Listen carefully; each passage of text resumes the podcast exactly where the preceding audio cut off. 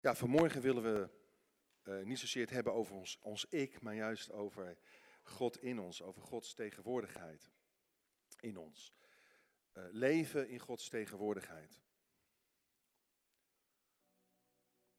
En we willen ook, ook de ruimte geven, dat willen we altijd natuurlijk, aan Gods geest om te werken, maar ook ruimte ook om in aanbidding echt van Hem te ontvangen. En er zijn heel veel mensen die ook heel veel geven, die heel veel doen, die heel actief zijn, heel ijverig zijn. En dat is prachtig, dat is mooi, dat is goed. Alleen het is ook goed om, om, Gods tegenwoordigheid in ons leven te praktiseren, te beoefenen. En, en waar heeft dat nu mee te maken? En we hebben het soms best wel moeilijk om Gods tegenwoordigheid te ervaren, ook in de dieptepunten van ons leven. Um, maar Gods, Gods tegenwoordigheid is er altijd. Zowel in de hoogtepunten als in de dieptepunten, in de up- en de down momenten. En ik wil lezen uit een uh, Bijbelboek, Koningen, waarin een heel bijzonder verhaal staat. Over een, een man, een profeet van God, Elia. En een profeet betekent dat is iemand die namens God spreekt, die Gods woorden doorgeeft. En we lezen in uh, 1 Koningen hoofdstuk 19 het volgende. Er staat, Agab vertelde Izebel, Agab was koning van Israël, Izebel was een vrouw, en hij vertelde alles wat Elia had gedaan. Ook dat hij alle profeten ter dood had gebracht.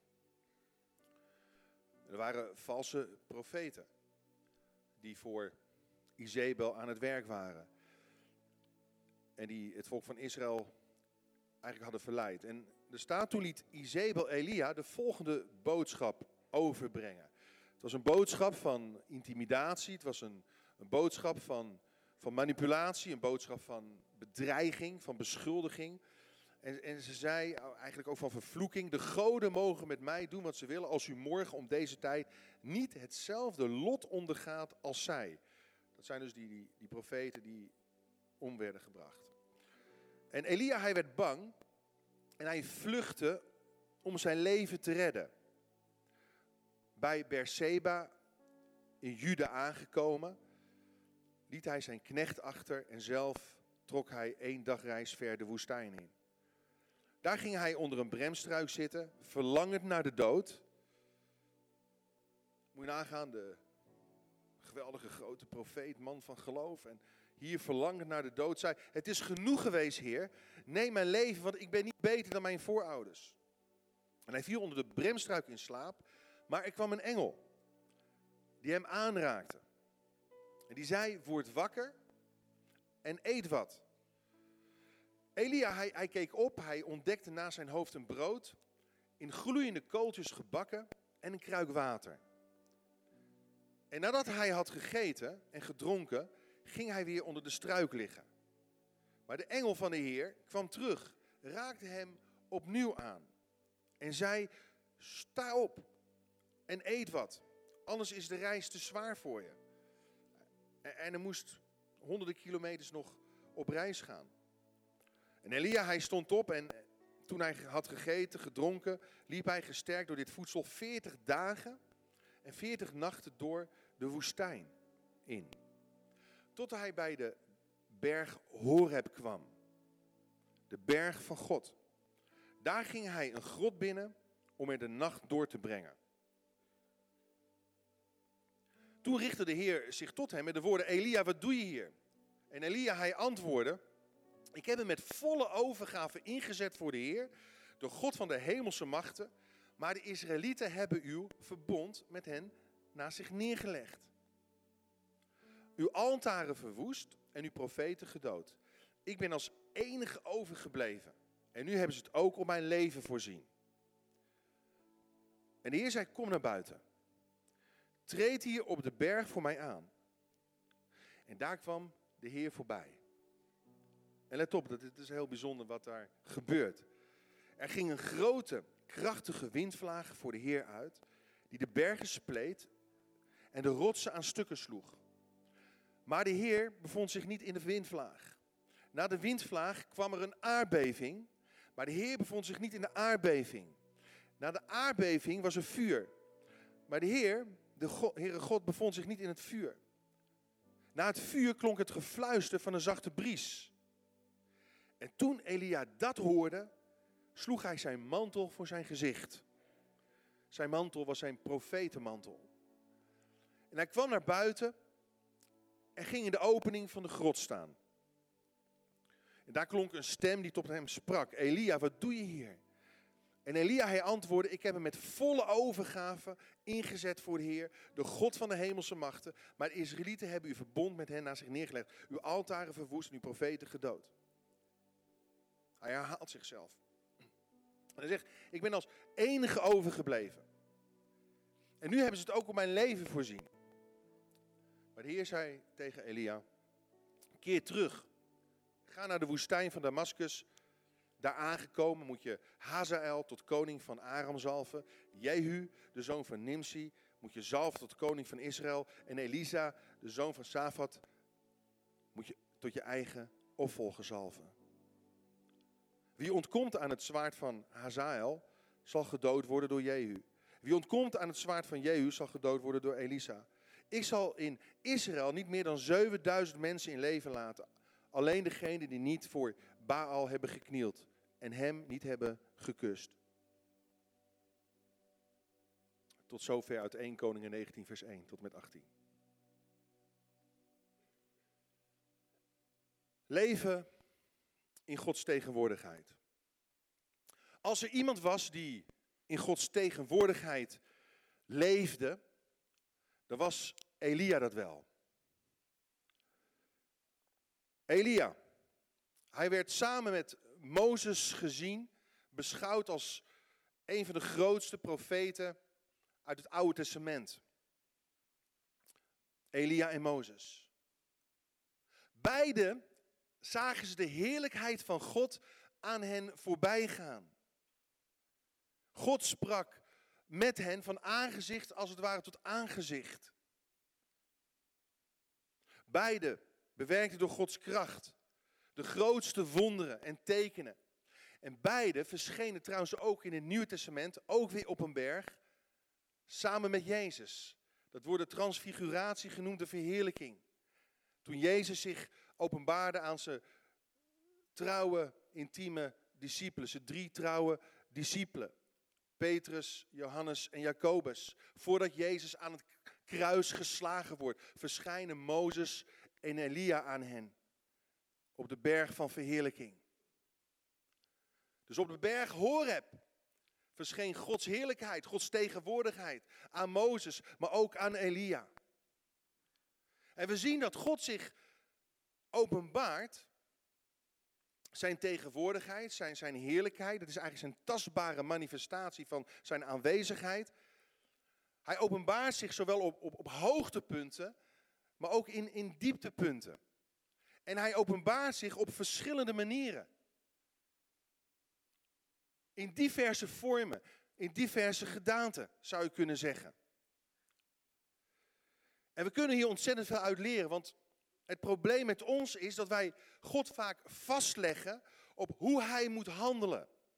Of we willen hem in een doosje plaatsen van onze manier van denken. We willen hem, hem proppen in, in ons verwachtingspatroon. In ons voorstellingsvermogen. Maar God is zo groot, we kunnen hem niet in het doosje proppen. En Elia, hij had, dat is de context, een, een gigantisch hoogtepunt meegemaakt. En hij dacht, dit is de ultieme openbaring van Gods heerlijkheid, van Gods tegenwoordigheid. Dus even terug naar de context. In hoofdstuk 18. We zien daar koning Agab samen met zijn vrouw Izebel. En, en ze waren van los, God losgeslagen. Ze vereerden de Baal. Dat was een, cultus waar, waar allerlei uitspattingen plaatsvonden op, op, op moreel gebied. En, en, en er vond tovenarij plaats.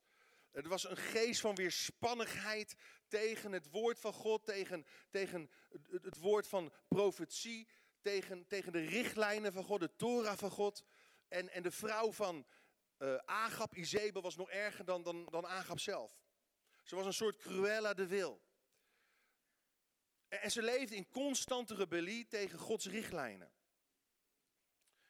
Dus wat deed God? Hij, hij, hij zond zijn profeet Elia. En, en hij moest gaan profeteren. Israël keert terug tot God. Israël, jullie wijken van God af. Wat jullie doen, dat gaat verkeerd, dat is niet goed. Keer terug tot God. Neig je hart tot, tot God. De levende God, de echte, de ware God. En zo ontstond er een krachtmeting over de vraag wie de ware God was. En Elia, hij bedenkt een plan. En hij organiseert een soort wedstrijd. Er ontstaat een test. Hij liet twee altaren bouwen en op die twee altaren werd er vlees gelegd. Het vlees van een stier dat geofferd werd. En de ware God zou met vuur antwoorden. En om iedereen te overtuigen van de almacht van God, liet Elia het altaar met water doordrenken, zodat het zelfs overstroomde. Met andere woorden, er moest een heel groot wonder plaatsvinden om dat te kunnen aansteken. Een klein vonkje dat toevallig uh, voorbij kwam, dat had het nooit kunnen doen. Dat was onmogelijk. En zo stonden er op een gegeven moment 850 valse profeten tegenover Elia. Tegenover één man. En, en hij bad het volgende. Laat dit volk merken dat u de ware God bent, in 1 Koningen 18 vers 37, dat u hun hart weer op u afstemt. En daar gaat het om. Leven in, in de tegenwoordigheid van God heeft te maken met het afstemmen van je hart op God. Toen liet de Heer vuur neerdalen. En het zet niet alleen het offer, het hout in lichte laaien, maar ook de stenen en de grond, zelfs het water in de geul verdampte. En toen het volk dat zag, wierp ze zich voorover. En ze zeiden, alleen de Heer is God. Alleen Yahweh, alleen de Heer. En die profeten, die 850 profeten, die hadden de, long, de, ja, de, de, de longen uit, uit, uit, uit hun, hoe noem je dat? Lijf geschreeuwd. Ze hadden, ze hadden allemaal taferelen uitgevoerd. Ze hadden, ze, hadden allemaal rituelen uit. Ze hadden zichzelf geslagen, gesneden. Eh, ze waren letterlijk onder het bloed. En er gebeurde helemaal niks. En Elia, hij, hij hoeft maar één gebed uit te, uit te spreken. En, en God antwoordt met vuur uit de hemel. Daarna rende Elia door de kracht van God naar Israël, Israël, waar hij Agap zou ontmoeten. En door de kracht van God rent hij als het ware een marathon af. En, en de vraag is, waarom Israël? Israël was de hoofdstad op dat moment. En wat wil dat zeggen? Hij verwachtte dat Agap of dat Izebel zich nu wel hadden bekeerd tot de God van Israël. Na zo'n demonstratie van Gods kracht en Gods macht moesten ze toch wel inzien dat God met hen was en, en dat, dat God de ware God was. De God van Israël. Die niet wordt aanbeden door middel van allerlei voorwerpen. En wat gebeurt er? Er wordt een prijs op zijn hoofd gezet. Elia is bang en wanhopig. Hij heeft geen kracht meer. Hij heeft geen, geen plannen meer, hij heeft geen doel meer. En, en hij geeft het op als die boodschap van Izebel hem bereikt. In die tijd reisde een, een dienaar ook altijd mee met een profeet. En wat doet Elia? Hij laat zijn dienaar achter in Berseba en zelf loopt hij de woestijn in. Wat, wil dat zeggen? Hij laat hier als het ware zijn personeel achter, omdat hij uit de bediening wil stappen. Nog erger, hij wil uit het leven stappen. Hij zegt, Heer, het is genoeg. Neem mijn leven. Hij, hij vraagt God om, om zijn leven te nemen, omdat hij weet dat hij zelf dat recht niet heeft. Hij, hij is God echt even absoluut kwijt op dit moment. Hij, hij ervaart God niet, hij, hij, ziet niet meer helder, hij ziet troepel. En dat is ook vaak als je in een dip zit, je ziet troebel, je ziet niet helder meer. En we kunnen allemaal, lieve mensen, in een dip terechtkomen. En dit is geen gebrek aan wilskracht of geloof. Het is ook niet een uiting per se van, van zwakte of van schande. Het kan ons allemaal overkomen. Weet je trouwens dat uit een gewogen onderzoek onder het één vandaag in april 2018 blijkt dat 29% van de mensen tussen 16 en 34 jaar oud zich lange tijd depressief voelt. En dat bijna de helft ervan, 45%, zelfmoordgedachten heeft. En zo zien we hier ook zelfs een man als Elia, een man van geloof, een man van gebed, in een depressie terechtkomen. Zijn gevoelsleven raakt in een diep donker gat en hij ervoer Gods tegenwoordigheid niet meer. Hij snapte Gods plan niet meer. Maar weet je, het is zo mooi om te zien hoe God hem dan herstelt. Hoe God laat, laat zien dat hij geïnteresseerd is in het welzijn van onze, onze, onze geest, onze ziel en ons lichaam. Alle drie aspecten van ons bestaan. God zorgt lichamelijk, emotioneel en geestelijk gezien voor hem. Hij laat hem tot rust komen en hij stuurt een engel die hem voedt. En wat, wat doet de engel? Gaat, gaat de engel een discussie met hem aan? Hé hey, Elia, jongen, wat, wat ben je nou aan het doen? Waar ben je nou mee bezig? Nee, de engel gaat voor hem koken. De engel gaat voor hem koken. Hij komt niet met goed bedoelde adviezen aanzetten. Hij komt niet met allerlei beschuldigingen aanzetten, met, met, een vorm van aanklacht. Joh, heb je wel genoeg geloof, Elia? Heb je misschien een verborgen zonde dat het zo met je gaat nu? Nee, nee hij zorgt voor fysiek, lichamelijk herstel. Vervolgens laat, laat God Elia uitpraten. Hij laat hem zijn hart luchten. Hij zegt niet, wat heb je allemaal fout gedaan Elia, waarom ben je gevlucht? Nee, hij zegt ook niet, joh wat zie je beroerd uit vandaag. Ja, na zo'n marathon gelopen te hebben, dan moet je wel niet zo goed uitzien. Ik, ik heb zelf een keer bijna een halve marathon uitgelopen. Verder kwam ik niet, maar ik zag er echt beroerd uit na afloop. Maar weet je, in, een dip, en dat is ook de les, in een dip heb je geen, als je in een down heb je geen belerend vingertje nodig. Je hebt geen belerend vingertje nodig. Je, hebt soms gewoon een aanraking nodig. Gewoon begrip, aanvaarding en herstel. En dat is wat God doet. God begrijpt dat Elia lichamelijk en geestelijk is uitgeput.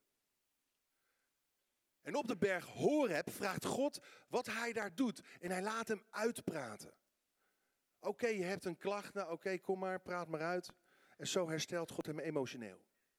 Maar langzaam en zeker geeft hij Elia ook een nieuwe kijk op zijn bediening.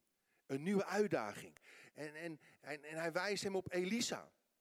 Hé joh, ga Elisa toerusten, ga hem opleiden. En zo begint God hem ook geestelijk te herstellen. Hij geeft hem een nieuwe uitdaging, een nieuwe missie. Weet je, sommige mensen brengen alles terug op één aspect van ons bestaan. Ze focussen alleen maar op het lichamelijke. Of ze focussen alleen maar op het psychische. Of ze focussen alleen maar op het geestelijke. Maar niet altijd alles is, is natuurlijk. Niet altijd alles is psychisch. Ook niet altijd alles is geestelijk. Of demonisch of wat dan ook. Dan ga je voorbij aan de realiteit van ons bestaan. Want deze bestaat uit drie aspecten. Geest, ziel en lichaam. En de grote vraag hier natuurlijk is, hoe raakte Elia in zo'n depressie? Naar zo'n hoogtepunt, in zo'n dieptepunt. laten we de diepte van de tekst gaan bekijken. Nou, alles wat Elia had gedaan, was er zichtbaar eigenlijk niets veranderd. Er was een grote demonstratie van Gods kracht geweest. En hij komt daar aan in Israël en, en hij ontvangt een boodschap. Ja, of het nou een, een, een, een sms'je is tegenwoordig, een appje, een mailtje, wat dan ook, een telefoon. Hij ontvangt een boodschap. En, en zijn, hele, zijn hele verwachtingspatroon valt in duigen. Zijn visie op God, op de toekomst valt in duigen. Hij had verwacht. Hij had verwacht dat Agap, daarom ging hij terug naar de hoofdstad. Dat Agap zou komen om zich te bekeren. En Izebel ook. Alles ging tegen zijn verwachtingen in. Hij weet niet meer wie God is. En God laat zien wie hij is. Hoe hij tegenwoordig wil zijn in ons leven. Ook in de downmomenten. En God zei, Elia, treed naar buiten. Ga op de berg staan voor mijn aangezicht. Sta op, blijf niet zitten. Maar ga staan, kijk om je heen. Probeer dingen in een brede verband te zien. Vanuit een anders perspectief. En God openbaarde zich aan Elia. Niet in de natuurelementen van de wind de aardbeving of het vuur, maar in een zachte stem. In het zuizen van een zacht briesje. Luister, dat betekent dit. God openbaarde zich niet in het oordeel dat nodig was om Israël te zuiveren. Nee. Niet in het oordeel, maar in het zuizen van een zachte koelte. En dat spreekt van relatie. Dat spreekt van relatie.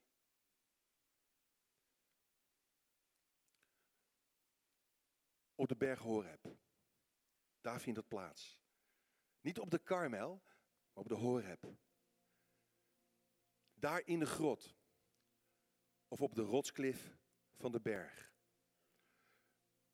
De grot kun je ook vertalen met, met eigenlijk een, een rotsklif. En sommige uitleggers van de Bijbel, theologen die jaren gestudeerd hebben, die, die denken dat het misschien wel dezelfde plek kon zijn waar, waar Mozes de openbaring van God had ontvangen. Op diezelfde plek. Want op diezelfde plek gaat opnieuw Gods heerlijkheid voorbij. Daar op die rots. Waar Mozes ook zei: O Heer, toon mij uw heerlijkheid. En God liet zijn goedheid aan hem voorbij gaan. Toen ook kwam niet zijn oordeel, maar zijn goedheid, zijn genade, zijn bewogenheid, zijn ontferming over het volk de wind, het vuur en de aardbeving. Ja, God kan zich openbaren in, in al deze natuurkrachten en elementen. Maar de ultieme openbaring die God geeft, is zijn zachte stem. Maar het probleem van Elia, en vaak dus ook met ons, dat hij God in een doosje had gezet. Hij dacht, God moet nu wel dit doen en dat doen. Nou, alles wat ik gedaan heb, maar weet je, God liet hem niet in de steek. Maar zijn idee van God liet hem in de steek. Zijn verwachtingen waren namelijk gekoppeld aan zijn eigen gedachten, hoe het allemaal moest. Hoe God zou moeten handelen, wat God zou moeten doen of niet doen. Maar weet je, Gods gedachten, Gods wegen zijn altijd hoger dan de onze. Zijn wijsheid is onnaspeurlijk. Zijn wijsheid is ondergrondelijk. En lieve mensen, dit zou ons, ons klein en nederig moeten maken. God kan met vuur verschijnen. Denk maar aan het vuur dat Sodom en Gomorra wegvaagde. Of de brandende braamstruik waarin God tot Mozes sprak. Ja, God kan ook in een aardbeving verschijnen. Denk aan de berg Sinai, ook de berg Horeb. Als God daar neerdaalt met de stenen tafelen, de tien geboden. En ja, God kan ook in de wind verschijnen. Denk aan de eerste Pinksterdag, als de Heilige Geest wordt uitgestort. Een geweldige windvlaag vulde het hele huis. En de discipelen voelden eigenlijk dat huis schudden tot op haar grondvesten. En de ene keer zien we dat God zich openbaart in een wind, dan weer in een vuur, dan weer in een aardbeving. weet je, het is zijn keuze hoe hij zich openbaart. Wij pinnen God vaak vast op hoe wij het graag zien. Maar je kunt God niet in een doosje proppen. God heeft een plan. Maar het ging anders dan Elia's plan. Elia, hij dacht ook dat hij de enige was die niet zijn knieën voor de Baal had gebogen. Hij zei, ik ben de enige die zich zo hard heeft ingezet. Ik verdien het toch wel om dit en dat nu te krijgen. Ik ben de enige die het snapt. Ik ben de enige die precies weet hoe het zit. Er zijn maar weinig mensen zoals ik.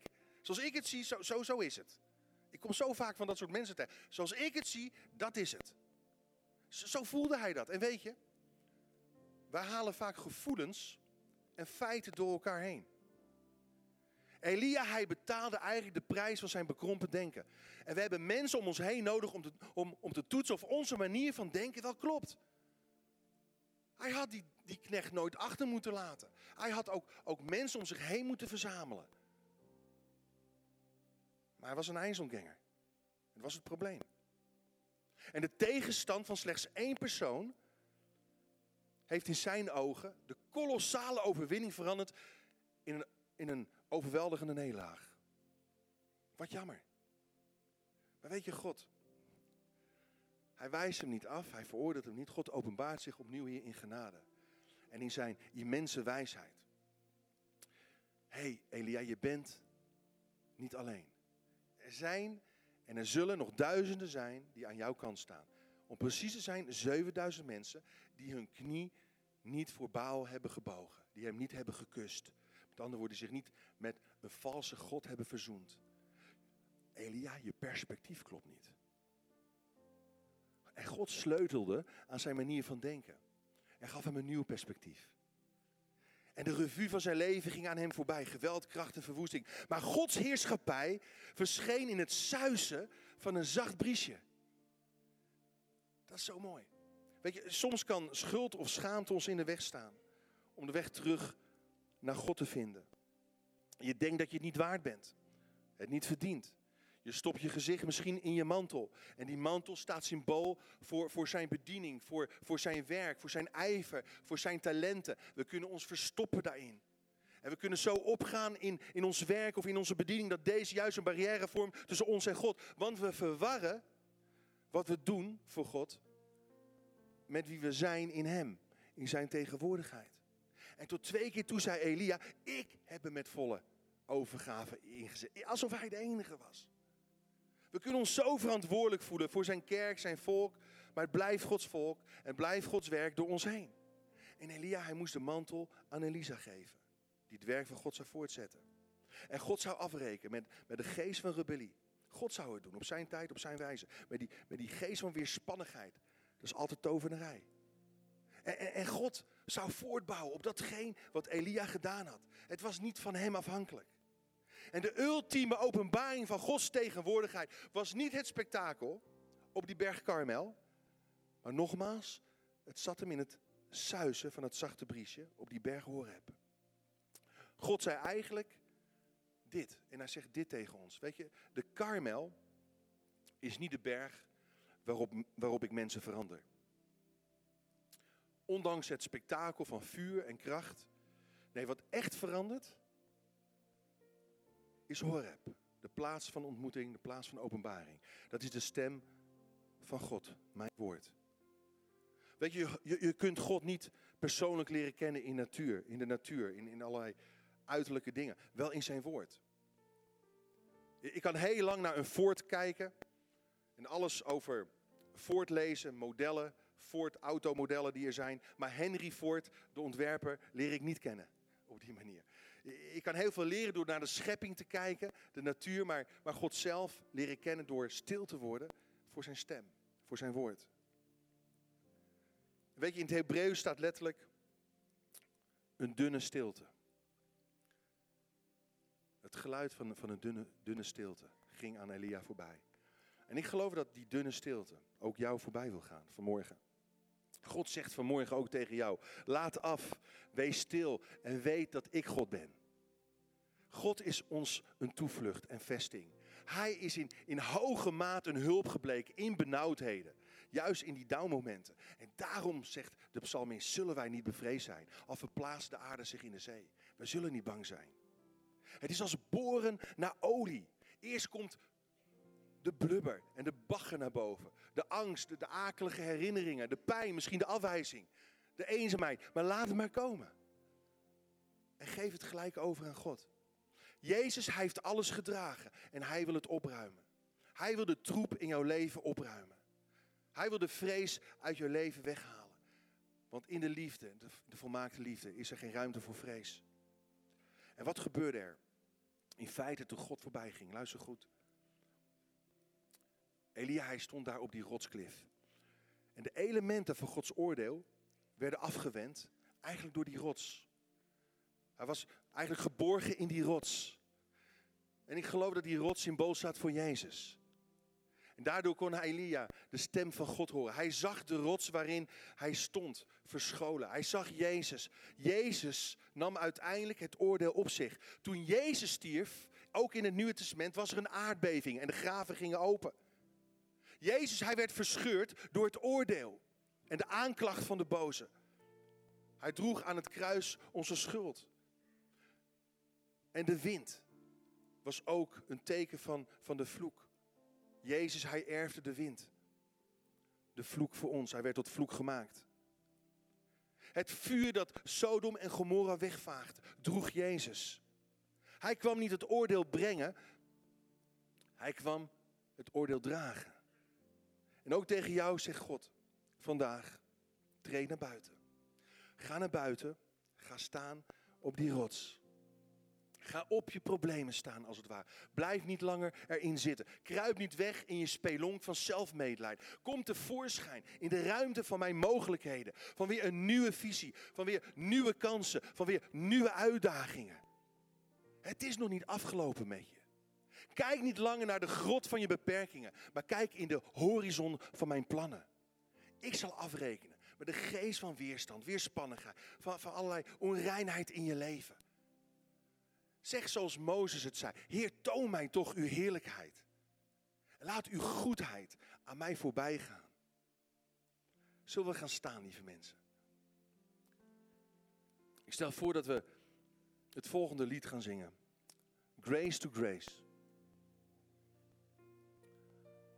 Elke dag opnieuw zijn we afhankelijk van die genade, die goedheid van God. Zijn we afhankelijk van die, van die heerlijkheid van God, van zijn tegenwoordigheid. En ik wil je uitdagen om op die hoorheb te gaan staan, om, om op die rots te gaan staan. Om die tegenwoordigheid van God als het ware op te nemen. Ook tijdens het lied. Strek je uit naar God. Ja, kom maar. Laten we gaan zingen. Laten we ons uitstrekken naar wat God wil doen.